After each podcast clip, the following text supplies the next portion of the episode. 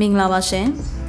အပတ်စဉ်စနေနေ့ည9:00နာရီတိုင်းမှာထုတ်လွှင့်နေကြဖြစ်တဲ့ရေရေမောမောပေါပေါပပ podcast အစီအစဉ်ကနေပြန်လည်ကြိုဆိုလိုက်ပါရစေ။ကျွန်မကတော့စီစဉ်တင်ဆက်သူနှွေးစာကြည့်ဆိုဖြစ်ပါတယ်။ဒီပတ်မှာတော့ကိုပိုင် podcast လုပ်ဖို့စိတ်ဝင်စားကြတဲ့မိတ်ဆွေတွေအတွက်ကျွန်မက podcast တီးဖြတ်တဲ့အခန်းကဏ္ဍနဲ့ပတ်သက်ပြီးတော့မှအတွေ့အကြုံလေးတွေကိုဝေမျှပေးမှာဖြစ်ပါတယ်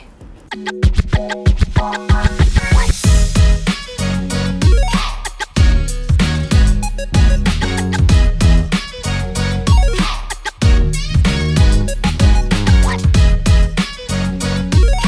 မင်္ဂလာပါရှင်မင်္ဂလာပါခင်ဗျာမြန်မာစီနီမာဘလက်တီနက်ဝက်ကထုတ်လွှင့်တဲ့ရီမောမောပေါ့ပေါ့ပပအစီအစဉ်ကနေကြိုဆိုလိုက်ပါတယ်ဒီအစီအစဉ်ကမြန်မာလူမှုနယ်ပယ်မှာမတန်ဆွမ်းမှုအသိပညာတွေညှင့်တင်ပေးနိုင်ဖို့မတန်ဆွမ်းအတိုင်းဝန်ကဖြစ်ရက်ဆုံးကဏ္ဍဆုံးကိုမတူညီတဲ့ရှုထောင့်ပေါင်းစုံကနေလွတ်လပ်ပွင့်လင်းတဲ့တွေးခေါ်ဆင်ခြင်နိုင်မှုတွေနဲ့မျှဝေလိုချသူတွေရဲ့အသံတွေကိုပြုစုပြောထောင်ဖော်ထုတ်ပေးနေခြင်းဖြစ်ပါတယ်။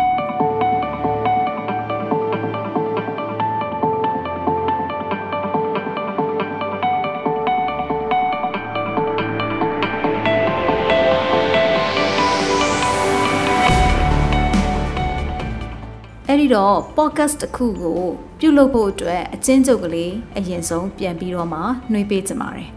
ပထမဦးဆုံးကတော့ podcast channel တစ်ခုကျမတို့တည်ထောင်လိုက်ပြီဆိုလို့ရှိရင်ပုံမှန်ထုတ်လွှင့်ဖို့အတွက်ကျမတို့ schedule ဆွဲရပါတယ်ဆိုလိုချင်တာကတပတ်ကိုတပုတ်ထုတ်လွှင့်မလားနှစ်ပုတ်ထုတ်လွှင့်မလားပြီးလို့ရှိရင်အဲ့တပုတ်ကိုပုံမှန်အချိန်လေးတစ်ခုခုသတ်မှတ်ပြီးတော့ထုတ်လွှင့်မယ်ပေါ့နော်ဥပမာကျမတို့ဆိုလို့ရှိရင် စနေနေ့ည9နာရီနဲ့ဗုဒ္ဓဟူးနေ့မနက်10နာရီပေါ့အဲဒါပေမဲ့ဒီနှစ်ပိုင်းမှာတော့ကျမတို့ကမီးပေါ့နော်လျှက်စစ်မီးအခက်ခဲကြောင်းမို့လို့တခါတလေမှာမနက်ပိုင်းထုတ်လွှင့်ရမယ့်အစီအစဉ်ကိုလည်းဗုဒ္ဓဟူးနေ့ညပိုင်းကျမှထုတ်လွှင့်နိုင်တာမျိုးရှိတယ်ပေါ့နော်တခါလေဆိုလို့ရှိရင်လည်းစောပြီးတော့ထုတ်လွှင့်နိုင်တာမျိုးရှိလို့ရှိရင်လည်းကျမတို့ဟို schedule post အနေနဲ့ YouTube တို့ဘာလို့မှတင်ပေးထားတယ်ပေါ့နော်ဆိုတော့ကတကယ်တော့ လျှက်စစ်မီပုံမှန်လာနေမယ်ဆိုရင်ကျမတို့တွေကအချိန်ကိုကွက်တီပုံမှန်ထုတ်လွှင့်နိုင်ဖို့အတွက်သတ်မှတ်ထားလို့ရပါတယ်အဲ့ဒါမှသာလျှင်ကျမတို့ရဲ့အစီအစဉ်တွေကိုစောင့်ပြီးတော့နားထောင်ကြတယ်ပရိသတ်တွေအနေနဲ့လည်းဘယ်နေ့ဘယ်ရက်မှာအစီအစဉ်သစ်နားထောင်ရမယ်ဆိုတာကိုသူတို့စိတ်ထဲမှာဆွဲနေမှာဖြစ်ပါတယ်နောက်တစ်ခါကျတော့ဒီလိုမျိုးအတန်မသွင်းခင်မှာကျမတို့ pre production ဆိုတဲ့အဆင့်တစ်ခုရှိပါတယ်အဲ့ဒါကတော့ကြိုတင်ထုတ်လုပ်ခြင်းပေါ့နော် ကျမတို့အတန်မသွင်းခင်မှာလှုပ်ဆောင်ရမယ့်အစဉ်စဉ်ကတော့ idea တွေပေါ့နော်ကျမတို့ဘယ်အကြောင်းအရာထုတ်လွှင့်မယ်ဆိုတာကိုအရင်ဆုံးစဉ်းစားတွေးတောရမယ်ပြီးလို့ရှိရင်ကျမတို့ဒါကိုဘယ်သူတွေကထုတ်လွှင့်ဘူးတလဲကိုကရောသူတို့နဲ့မတူအောင်ဘယ်လိုထုတ်လွှင့်မလဲဒါတွေကိုစနစ်တကျနဲ့ပြင်ဆင်ရမှာဖြစ်တယ်ပြီးလို့ရှိရင်တော့ကျမတို့ဇညွှန်းလေးပေါ့နော်အနည်းဆုံးတော့ကျမတို့ PowerPoint presentation လိုမျိုး keywords လေးတွေကျမတို့ချထားမယ်ဆိုလို့ရှိရင်ကိုပြောမယ့်အကြောင်းအရာကိုကျွမ်းကျင်ပိုင်နိုင်တဲ့အကြောင်းအရာကိုကိုကခန်းစားပြီးတော့ keywords လေးတွေကြည့်ပြီးတော့ပြောလို့ရတယ်။တကယ်လို့မိတ်ဆွေကဒီ keywords တွေကြည့်ပြီးပြောဖို့အတွက်ကစိတ်လှုပ်ရှားတာပဲဖြစ်စေအတွေ့အကြုံမရှိသေးတာပဲဖြစ်စေခက်ခဲနေမယ်ဆိုလို့ရှိရင်တော့ဘယ်ဟာစလို့ရလဲဆိုရင်ကျမတို့ဇက်ညွှန်းလေးရေးမယ်ပေါ့နော်။ ဇညွန်းဆိုတာထက်ကျမဆိုလိုချင်တာကဘယ်လိုပုံစံမျိုးပြောဆိုတင်ဆက်မလဲဘယ်လိုပုံစံမျိုးကိုယ့်ရဲ့တင်ဆက်မှုကိုအာတိဆောက်မလဲပေါ့နော် structure ပေါ့အထူးသဖြင့်တော့ကျမအကြံပေးချင်တာကအပိုင်း၃ပိုင်းနဲ့စပြီးတော့မှစဉ်းစားလို့ရပါတယ်အဲ့ဒါကတော့ဘလို့အဖွင့်မှာမိတ်ဆက်မလဲဘလို့အလဲမှာကိုတင်ဆက်ချင်တဲ့အကြောင်းအရာကို ဖွဲ့နှွယ်ပြီးတော့ပြောမလဲဒါမှမဟုတ်ဝေမျှပေးမလဲပေါ့နော် ပြီးလို့ရှိရင်နောက်ဆုံးပိုင်းကတော့ကျမတို့အနှစ်ချုပ်လို့လည်းပြောလို့ရတယ်အရှိကပြောသွားတဲ့အကြောင်းအရာတွေကိုပြန်ပြီးတော့မှဝေဖန်သုံးသပ်ပေးတာကောက်ချက်ချပေးတာဒါမှမဟုတ်မေကွန်ထုတ်တာစသဖြင့်ပေါ့နော်တရင်အချက်လက်ပေးတာဒါတွေကိုလုပ်ဖို့အတွက်ဖြစ်ပါတယ်အဲ့တော့ဒီအခန်းကဏ္ဍ၃ပိုင်းကိုကိုကစနစ်တကျရေးသားပြင်ဆင်ပြီးပြီဆိုရင်တော့အတန်စသွင်းလို့ရပါပြီ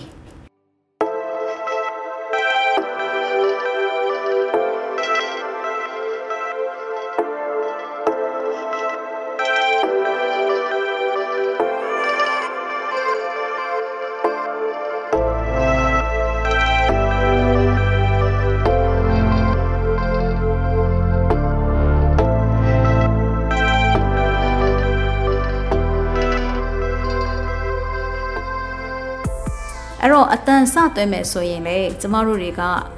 အတန်ကောင်းကောင်းရဖို့အတွက်နေရာတစ်ခုကိုရှာရမှာဖြစ်ပါတယ်တကယ်လို့အတန်ကောင်းကောင်းရနိုင်တဲ့နေရာမရှိဘူးဆိုလို့ရှိရင်လေကျမတို့တွေရဲ့အိမ်ခန်းမှာပဲအတန်လုံနိုင်မဲ့နေရာဒါမှမဟုတ်အတန်အနှောက်ယှက်ဝေးတဲ့နေရာတွေကိုရှာရမှာဖြစ်ပါတယ်အဲ့ဒီလိုပြောလိုက်လို့လေရေချိုးခန်းတို့အိမ်သာတို့ကိုအတန်လုံမယ်လို့မထင်လိုက်ပါနဲ့နော် အဲ့ဒီမှာကြတော့နိုင်ငံတွေကလေးဘက်လေးတန်ကာစီးနေတဲ့အတွက်ကျမတို့ရဲ့အတန်တွေကလှိုင်ကောင်းတန်ပေါက်သွားနိုင်တယ်ပေါ့နော်ဥပမာကျမတို့စင်အိုးထဲမှာဝင်អော်နေတဲ့အတန်မျိုးတွေဖြစ်သွားနိုင်တယ်ကိုယ့်ရဲ့အတန်ချီချီလင်းလင်းရဖို့ခဲရင်ပါတယ်အဲ့ဒီတော့ကျမတို့ကအတန်အနှောက်အယှက်ပေးနိုင်မဲ့နေရာမျိုးတွေကိုလည်းသတိထားပြီးတော့ရှောင်ဖို့လိုပါတယ်အထူးသဖြင့်တော့အိမ်မှာတာမန်နာနဲ့ ကြားနေကြဖြစ်ပြီးမထူးဆန်းတော့တဲ့အတန်တွေပေါ့နော်ဥပမာမီးချောင်းကအတန်မြည်မြည်မယ်မီးဇက်ကအတန်မြည်မြည်မယ်ဒါမှမဟုတ်ကျမတို့ပန်ကာအဲကွန်ပေါ့နော်စသဖြင့်အဲ့လိုနေရာတွေကအတန်တွေထွက်နေမယ်နောက်ရေခဲတက်တာလိုနေရာမျိုးတွေကအတန်ထွက်မယ်အဝိရှော်ဇက်လိုနေရာမျိုးတွေနောက် TV radio phone ပေါ့နော်အစရှိတဲ့နေရာတွေကလည်းအတန်ထွက်နိုင်တယ်ဒါပေမဲ့ကျမတို့အတန်ကို control မလုပ်နိုင်တာတခုရှိတယ်အဲ့ဒါကတော့ငှက်တန်ပေါ့နော် ဥပမာကျမတို့အိမ်ပတ်ပတ်လည်မှာဆိုရင်ငှက်ကလေးတွေကလာပြီးတော့အစာစားကြတယ်အထူးသဖြင့်တော့အစာကလေးတွေကအတန်အမြဲတမ်းမြည်လေးရှိတယ်သူတို့သားပေါက်တဲ့ရာသီဒါမှမဟုတ်သူတို့သားပေါက်လေးတွေရှိနေတဲ့အချိန်မျိုးမှာဆိုရင်အမြဲတမ်းအဲ့ဒီတကြီးကြီးအော်တန်လေးတွေကတော့ပါနေတတ်တယ်ပေါ့နော်ဒါမျိုးကိုလည်းဝေးအောင်ဖမ်းနိုင်ရင်တော့ပိုကောင်းပါတယ်နောက်တစ်ခုကကျတော့ကျမတို့နေတဲ့နေရာဆိုရင်ဒါလေရင်တက်တဲ့အတန်အမြဲတမ်းရှိတယ်ပေါ့နော်နောက်ပြီးတော့ကားလမ်းတွေကလည်းဟိုနီးတဲ့အခါကျတော့အထူးသဖြင့် ကွန်တိန်နာလိုကားအကြီးကြီးတွေသွားတဲ့အခါဟွန်တီးတာတို့ပေါ့နော်ဒီလိုမျိုးကားတွေရဲ့မောင်းတဲ့အချိန်မှာထွက်လာတဲ့အတန်မျိုးတွေကလည်းကျမတို့ကိုအနှောက်အယှက်ပေးတယ်။နောက်တစ်ခုကကျတော့ဈေးတယ်ပေါ့နော်။အခုခေတ်ဈေးတယ်တွေတော်တော်များက speaker လေးတွေသုံးလာကြတယ်။အဲ့ speaker လေးတွေကြောင့်ပဲခုနှစ်ထပ်တိုက်ရှစ်ထပ်တိုက်ထိ အတန်ဆူပြီးတော့ဝင်လာတယ်အဲ့လိုအတန်မျိုးတွေကိုလည်းကျမတို့ကကြည်ရှောင်ရတယ်ပေါ့နော်အဲ့တော့ဆိုလိုချင်တာကတော့ငှက်တန်လေးတွေလောက်ကတော့ကျမတို့ကဒါတာယာနာပြောပွဲလို့ပြောလို့ရပေမဲ့အဲတခါတလေမှာဇက်တိုက်ထွက်နေပြီဆိုရင်တော့ဒါဟာတိတ်ပြီးတော့မှမကောင်းဘူးပေါ့နော်အခုကျမပတ်ဝန်းကျင်မှာလည်းငှက်တန်လေးတွေရှိပါတယ် အဲ့ဒီလိုမှမဟုတ်ဘူးဆိုရင်ကျမတို့အတန်လုံးအောင်ဘယ်လိုကာကွယ်ကြမလဲပေါ့နော်ဒါလည်းအရင်အရေးကြီးတဲ့အချက်ဖြစ်တယ်အဲကျမတို့အိမ်မှာဥမာခေါင်းဆောင်လိုမျိုးပေါ့နော်ထူထဲတဲ့ဆောင်မျိုးတွေကိုကျမတို့အတန်ဝင်လာနိုင်တဲ့မှန်ပရင်ဘောက်တို့ပေါ့နော်အဲ့ဒီလိုမျိုးနေရာမျိုးတွေကိုကျမတို့ကာပေးထားမယ်နောက်ပြီးလို့ရှိရင်အတန်ဆူညံတန်ထွက်နိုင်တဲ့ဆိုတဲ့နေရာမျိုးကိုကျမတို့ကြောပေးပြီးတော့အတန်သွင်းနိုင်မယ်ဆိုရင်တော့ပိုကောင်းတယ်ဒါမှသာလေကျမတို့ကိုခန္ဓာနဲ့꿰ပြီးတော့မှလာတဲ့အတန်လှိုင်းတွေကိုကျမတို့ကမပါအောင်တားဆီးနိုင်နိုင်မှာဖြစ်တယ်ပေါ့နော်။ Okay အဲ့တော့ကျမတို့အတန်ကောင်းကောင်းရဖို့အတွက်နေရာရွေးပြီးပြီဆိုလို့ရှိရင်အတန်သွင်းမယ်ပေါ့နော်။အတန်သွင်းတဲ့နေရာမှာကျမတို့လက်ထဲမှာရှိတဲ့ mobile phone လေးကိုပဲအသုံးပြုပြီးတော့အတန်သွင်းလို့ရတယ်။တကယ်လို့မိတ်ဆွေမှာ external microphone ပေါ့နော်။ဒီ column mic လေးတွေရှိတယ်ဆိုလို့ရှိရင်တော့ကိုယ့်ရဲ့ဖုန်းမှာတက်ပြီးတော့မှအရင်ဆုံးအတန်အဆင်ပြေမပြေစမ်းသပ်ပြီးတော့မှသုံးသင့်ပါတယ်။တကယ်လို့မိတ်ဆွေကဒီတိုင်းပဲဖုန်းနဲ့ပဲသုံးမယ်ဆိုရင်တော့ဖြစ်နိုင်လို့ရှိရင်ဖုန်းကို ဖုန်းဆက်တယ်လို့မျိုးဒေါင်လိုက်ကြီးမကင်မဲနဲ့အလျားလိုက်ကင်ပြီးတော့မှကန့်လန့်ထားပြီးတော့မှကိုယ့်ရဲ့ပါဇက်နဲ့အနည်းဆုံး၄လက်မှ၅လက်မှကနေပြီးတော့မှကိုယ့်ရဲ့အတန် force ပေါ့နော်အတန်အားပေါ်မူတည်ပြီးတော့မှမိတ်ဆွေတို့ကအဲပါဇက်နဲ့6လက်မှ8လက်မှအထိခွာပြီးတော့မှလည်းအဆင်ပြေသလိုတွင်းနိုင်ပါတယ်အဲဒါပေမဲ့ကိုယ့်ရဲ့အတန်နဲ့ဒီ အကွာအဝေးနဲ့အဆင်ပြေမပြေဆိုတာနမူနာတွင်းကြည့်ပြီးတော့မှပြန်နှားထောင်ကြည့်လို့ရပါတယ်အဲ့ဒီပြောတဲ့အတန်အနေထားကိုကိုကမှတ်ထားပြီးတော့နောက်တစ်ခါတွင်းတဲ့အခါမှာအသုံးပြုလို့ရပါတယ်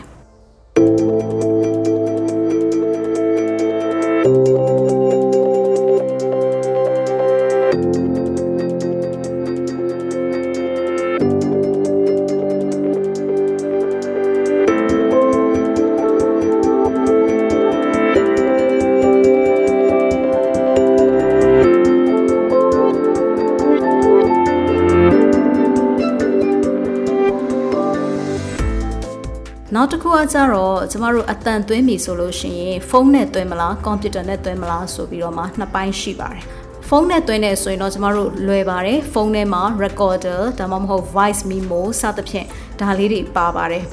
Android ဖုန်းတွေမှာဖြစ်ဖြစ် iPhone မှာပဲဖြစ်ဖြစ်ကျမတို့ voice memo ပေါ့နော်ကျမတို့အတန်လေးတွေကိုတင်ဆက်နိုင်တယ်ဖန်တီးနိုင်တဲ့နေရာရှိတယ် recorder သဘောပဲပေါ့နော်အဲ့တော့ external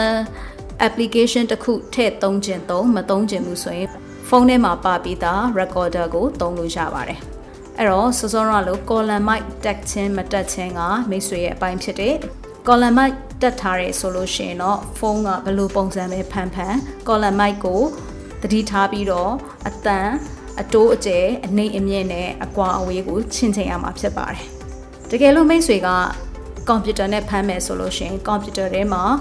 အတန်ဖမ်းနိုင်တဲ့ software ထည့်ပြီးတော့လည်းဖမ်းလို့ရတယ်လို့ကွန်ပျူတာထဲမှာပါပြီးသား software တွေကိုလည်းသုံးလို့ရပါတယ်အဲ့ဒါကတော့ quick time player ပေါ့နော် quick time player နဲ့ကျမတို့အတန်ဖမ်းကြည့်လို့ရပါတယ် quick time player ကိုဖွင့်လိုက်မယ်ဆိုလို့ရှိရင် file ထဲမှာ new audio recording ဆိုတာရှိပါတယ်အဲ့ဒီကနေပြီးတော့မှကျမတို့အတန်ဖမ်းယူပြီးတော့သုံးလို့ရပါတယ် audio record တွေလုပ်မယ်ဆိုတိုင်းအမြဲတမ်း test နမူနာ1မိနစ်မိနစ်ဝက်လောက်ကလေးပြောပြီးတော့အတန်ကိုပြန်နားထောင်ပြီးစစ်ဆေးဖို့လိုပါတယ်တကယ်လို့ကိုက test မလုပ်ခဲနဲ့အစအဆုံးအားရပါရသွင်းလိုက်ပြီးတော့မှပြန်နားထောင်တဲ့အခါအတန်မဝင်တာအတန်အနှောက်ယှက်တွေပါတာကို့အတန်ကမိုင်းနဲ့အရန်ကပ်ပြီးတော့မှလေတန်တွေပြင်းနေတာမျိုးတွေမဖြစ်ရအောင်ကျမတို့စနစ်တကျအတန်စစ်ဆေးပြီးတော့မှဖမ်းသင့်ပါတယ် တကယ်လို့ကိုလက်ရှိဖမ်းနေတဲ့နေရာမှာလေတိုက်နေတယ်ပြင်ပကအတန်တွေဝင်နိုင်တယ်ဆိုလို့ရှိရင်တခြားနေရာတစ်ခုကိုထပ်ပြီးတော့မှပြောင်းရွှေ့ရမှာဖြစ်ပါတယ်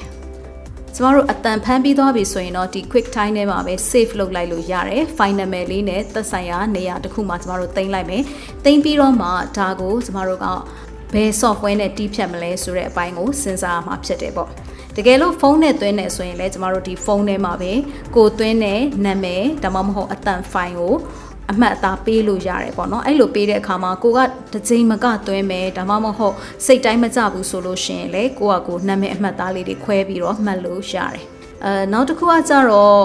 ကိုကဖြစ်နိုင်လို့ရှိရင်အတန်ကိုအစအဆုံးတစ်ဆက်သေးပဲသွင်းစေချင်ပါတယ် သွင်းနေရင်းနဲ့မှာအလုတ်ထားလုပ်ဖို့လိုတာတို့အတန်နှောက်ယှက်ဖြစ်တာတို့ဆိုရင် pause ပဲလုပ်ကြည့်ပါ pause လုပ်လို့ရရင် pause လုပ်ပြီးခဏရက်ထားပြီးတော့မှကိုအဆင်ပြေတဲ့အခါမှာစောစောတော့ကိုပြောနေတဲ့လေယူလေးသိမ်းခံစားမှုနဲ့အတူပြန်ပြီးတော့မှအသက်သွင်းဖို့လိုပါတယ်အဲ့တော့တစ်ဆက်တည်းဖြစ်သွားတာပေါ့နော် file ကမလိုအပ်ဘဲနဲ့၄50ပိုင်းမကွဲဘဲနဲ့တစ် file နဲ့ရအောင်သွင်းစေခြင်းတလို့တစ်ထိုင်ထဲမှာစိတ်ခံစားမှုရောလေယူလေးသိမ်းရောပြောတဲ့အကြောင်းအရာရောတစ်ဆက်တည်းတသားတည်းဖြစ်စေချင်ပါတယ် တကယ်လို့မိတ်ဆွေက quick time မရှိဘူးဆိုရင်ဘယ်လိုလုပ်မလဲပေါ့နော်အဲ့တော့ကျမတို့ Windows 7 Windows 10ပေါ့နော်စသဖြင့်ကိုတွေက Windows type ကိုသုံးနေဆိုရင် Windows accessory ဆိုတဲ့နေရာလေးကိုကျမတို့တွားလိုက်မယ်တွားလိုက်ရင်အဲ့ထဲမှာ steps recorder ဆိုတာရှိပါတယ်အဲ့ steps recorder ကိုကျမတို့ကအတန်သွင်းနိုင်တဲ့ microphone နဲ့ချိတ်ဆက်ပြီးတော့မှအဲ့ဒီမှာ start record stop record ဆိုပြီးတော့မှကျမတို့အတန်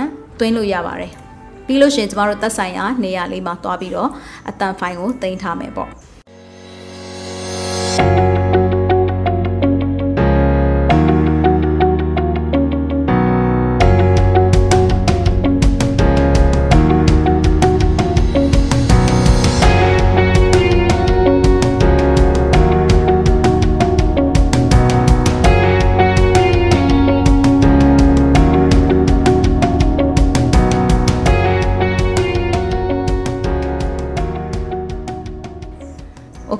ဒီအတန်ဖိုင်ကိုပဲကျမတို့ဘယ်လိုပုံစံမျိုး edit လုပ်မလဲပေါ့နော်အဲ့တော့ edit လုပ်မယ်ဆိုလို့ရှိရင်ကျမတို့မှာ edit လုပ်နိုင်တဲ့နည်းလမ်းတွေကတော့အများကြီးရှိပါတယ်တချို့ကဖုန်းထဲမှာလုပ်လို့ရတဲ့ software တွေကိုသုံးကြတယ်တချို့ကကြတော့ laptop နဲ့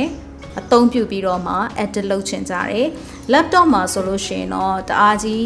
အဲမနိုင်တဲ့ laptop မျိုးတွေဆိုလို့ရှိရင်တော့ကျမတို့ Audacity ဆိုတဲ့ software လေးကိုသုံးလို့ရပါတယ်ကျမဒီ post ရဲ့ description ထဲမှာ Audacity ကိုလေ့လာလို့ရနိုင်တာလေးတွေကျွန်မချပေးထားပါမယ်။ဒါမှမဟုတ်မိတ်ဆွေကပို့ပြီးတော့မှ Pro Sansan ပေါ့နော်တီးဖြတ်ချင်တယ်ဆိုလို့ရှိရင်တော့ Adobe Audition မှာမှာကိုအဆင်ပြေတဲ့ software version ကိုအသုံးပြုလို့ရပါတယ်။အဲ့တော့ Adobe Audition ပဲသုံးသုံး Audacity ပဲသုံးသုံးမိတ်ဆွေတို့အနေနဲ့ YouTube မှာတွားပြီးတော့မှဘယ်လိုပုံစံမျိုးအတန်းတွေကိုတီးဖြတ်လို့ရမလဲဆိုတာနီလန်အဆင့်ဆင့်လေ့လာနိုင်မှာဖြစ်ပါတယ်။ အထူးသဖြင့်တော့ကျမတို့ဘာလုပ်ရမလဲဆိုရင်မဖြစ်မနေက noise short တာပေါ့နော်စတူဒီယိုထဲမှာမဟုတ်တဲ့အတွက်ကိုကိုရိုင်းကဘလောက်ပဲအတန်လုံးတယ်လို့ထင်ပါစေအနည်းဆုံးတော့ပတ်ဝန်းကျင်က noise ဆိုတဲ့အတန်ရှိပါတယ်အဲ့ဒီ noise တန်လေးတွေကို short တက်ရမယ်ပြီးရင်ကိုမှားတဲ့နေရာလေးတွေကိုဖြတ်ထုတ်တက်ရမယ်ပြီးလို့ရှိရင် music ပေါ့နော်ဒီ take guitar ပေါ့ take guitar ဆိုရင်လည်းကျမတို့ copyright free ဖြစ်တဲ့ YouTube တို့ Facebook တို့က free pay သုံးတဲ့ music တွေကိုလည်းသုံးလို့ရတယ်လို့တခြား music အခမဲ့ပေးတဲ့ website တွေရှိပါတယ်အဲဒီကနေလည်းရှူသုံးလို့ရတယ်ပေါ့နောက်တစ်ခုကကြတော့အာတချင်းတွေပါတယ်ဆိုရင်လည်းတချို့ copyright လွတ်တာတွေရှိတယ်လို့တချို့ copyright နဲ့ဟာတွေရှိတယ်ဒါကတော့ကိုလိမ်မာပါနဲ့တယ်လို့သုံးလို့ရပါတယ်အဲကိုကအကျိုးအမြတ်အတွက်ရည်ရွယ်ပြီးလုပ်တာမဟုတ်တဲ့အတွက်ဒါကကိုလိမ်မှာပါနဲ့တလို့မျိုး copyright ကင်းတဲ့ဟာတွေနဲ့သုံးမယ်ဆိုလို့ရှိရင်ကျမတို့ဘယ် platform မှာပဲတင်တင်ပေါ့နော်အဲ copyright ညီစွန်မှုမရှိဘူးပေါ့ဒါဆိုလို့ရှိရင်တော့ music လည်းထည့်တတ်မယ်အာအတန်အချောရပြီဆိုလို့ရှိရင်တော့ကျမတို့ဘယ် platform မှာတင်ပါလဲညာတော့ဖြစ်တော့ငကိုတော့ကကျမတို့ Anchor ကိုသုံးတယ်အခုမြန်မာပြည်က Spotify မရတော့တဲ့အတွက် Anchor ကိုသုံးလို့မရတော့ဘူးကျမကတော့ Red Circle မှာသုံးတယ်အဲ့တော့ Red Circle မှာကိုက channel တစ်ခုထောင်ပြီးတော့မှတင်မယ်ပြီးလို့ရှိရင်အဲဒီကနေ RSS link လေးကိုယူပြီးတော့မှအခြားသော Apple Podcast, Google Podcast စသဖြင့် ကိုသွားပြီးတော့မှ channel တွေဖွင့်ချင်တဲ့နေရာတွေမှာ RSS link ကိုချပေးလိုက်ရုံနဲ့မိတ်ဆွေက channel တစ်ခုမှကတပြိုင်နက်လွှင့်နိုင်မှာဖြစ်တယ်။အဲ့တော့ဒီနေ့ကျွန်မပြောပြသွားတယ်ဘယ်လိုပုံစံမျိုးထုတ်လုပ်မလဲဘယ်လိုပုံစံမျိုးအချောသက်တီးဖြတ်မလဲဘယ်လိုပုံစံမျိုးဖြန့်ဖြူးကြမလဲဆိုတဲ့အပိုင်းတွေကမိတ်ဆွေတို့တကယ်ပဲ podcast ကိုစိတ်ဝင်စားပြီးစောင့်ချလုပ်ချင်တဲ့သူတွေအတွက်အကျိုးရှိမယ်လို့ယုံကြည်မျှော်လင့်ပါတယ်ရှင်။အဲ့တော့ကျမတို့ရေရေမုံမုံပေါ့ပေါ့ပါပါ podcast အစီအစဉ်မှာ အတန်ထုတ်လုပ်တင်ဆက်ခြင်းနဲ့ပတ်သက်ပြီးတော့မှမိတ်ဆွေတို့စိတ်ပါဝင်စားပြီးလက်တွဲလှုပ်ဆောင်ခြင်းနဲ့ဆိုရင်လေအလုတ်တင်နဲ့အဲစွမ်းရည်ရှင်တွေကိုကျမတို့ခေါ်နေပါတယ်စွမ်းရည်ရှင်အနေနဲ့ဆိုလို့ရှိရင်တော့အရေးသားပိုင်းစွမ်းရည်ရှင်အတန်ပိုင်းစွမ်းရည်ရှင်နဲ့တီးဖြတ်ပိုင်းစွမ်းရည်ရှင်တွေဖြစ်ပါတယ်ဒါပေမဲ့ကျမတို့ကကာလအားဖြင့်ဆိုရင်တော့ intensive training 3လနဲ့ပူးပေါင်းဆောင်ရွက်ချိန်6လစုစုပေါင်းတစ်နှစ်ပါဝင်နိုင်မှအဆင်ပြေမှာဖြစ်ပါတယ်။ဘာလို့လဲဆိုတော့အတန်နဲ့ပတ်သက်ပြီးတော့မှရေရှည်အလုပ်လုပ်ချင်ကြတဲ့စောက်ချပြီးတော့မှ professional level ထိသွားချင်ကြတဲ့သူတွေကိုကျမတို့ကလက်တွဲခေါ်ယူခြင်းဖြစ်တယ်။ဒါကြောင့်မလို့ကာလာတူတော့ကျမတို့မှာမရဘူး။ကျမတို့နဲ့ပူးပေါင်းလှုပ်ဆောင်ခြင်းလဲဆိုလို့ရှိရင်เนาะကျမတို့ကကိုယ်ပိုင် channel ထောင်ဖို့အထိလဲမိတ်ဆွေတို့ကိုကူညီပြီးတော့မှလမ်းပြပေးမှာဖြစ်တယ်။ဒီလောက်ဆိုလို့ရှိရင်လဲတကယ်ဝါသနာပါပြီးစောက်ချလေးလာခြင်းတဲ့သူတွေအတွက် တော်တော်လေးအကျိုးရှိသွားမယ်လို့ယုံကြည်မျှော်လင့်ပါတယ်ဒီနေ့စီစဉ်ကတော့ဒီလောက်ပါပဲရှင်အားလုံးကိုကျေးဇူးတင်ပါတယ်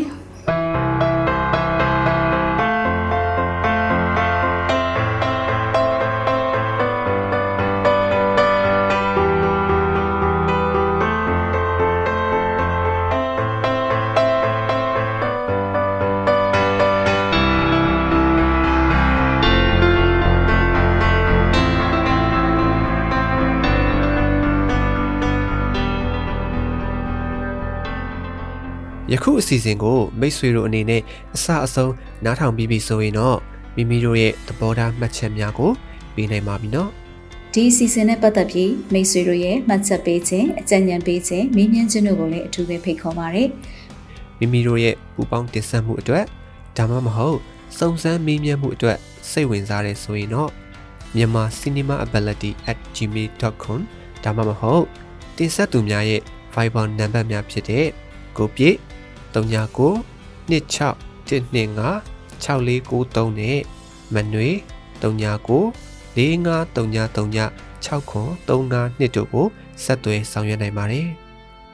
မိတ်ဆွေတို့အနေနဲ့ဒီစီစဉ်ကိုမတိသေးသူများသိဖို့လိုအပ်နေသူများမတန်ဆွမ်းအရေးကိုမိမိတို့ရဲ့လုပ်ငန်းခွင်အသီးသီးမှာထည့်သွင်းဆောင်ရွက်ဖို့စိတ်ဝင်စားသူညီသူကိုမဆိုထပ်ဆင့်ဝေမျှပေးရင်သတင်းကောင်းပေးနိုင်ပါတယ်မြန်မာပြည်သူပြည်သားများအားလုံးမတန်ဆွမ်းမှုအသိပညာတွေတိုးပွားက ခွဲခြားဆက်ဆံမှုကင်းပြီးအားလုံးအကျုံးဝင်တဲ့လူမှုအတိုင်းအဝန်တစ်ခုကိုအမြန်ဆုံးဖော်ဆောင်နိုင်ပါစေလို့ဆန္ဒပြုရင်းဒီကနေ့အစီအစဉ်ကိုဒီမှာရန်နာပါရစေ။တောတာရှင်အားလုံးနေ့ရက်အသက်တိုင်းမှာကောင်းစည်းမင်္ဂလာပေါင်းများစွာရယူပိုင်ဆိုင်နိုင်ပါစေလို့လည်းကျွန်မကဆုတောင်းမြတ်တာပို့တာအပ်ပါတယ်။နောက်ပတ်စနေနေ့ည9:00နာရီမှာပြန်ဆောင်ကြရအောင်နော်။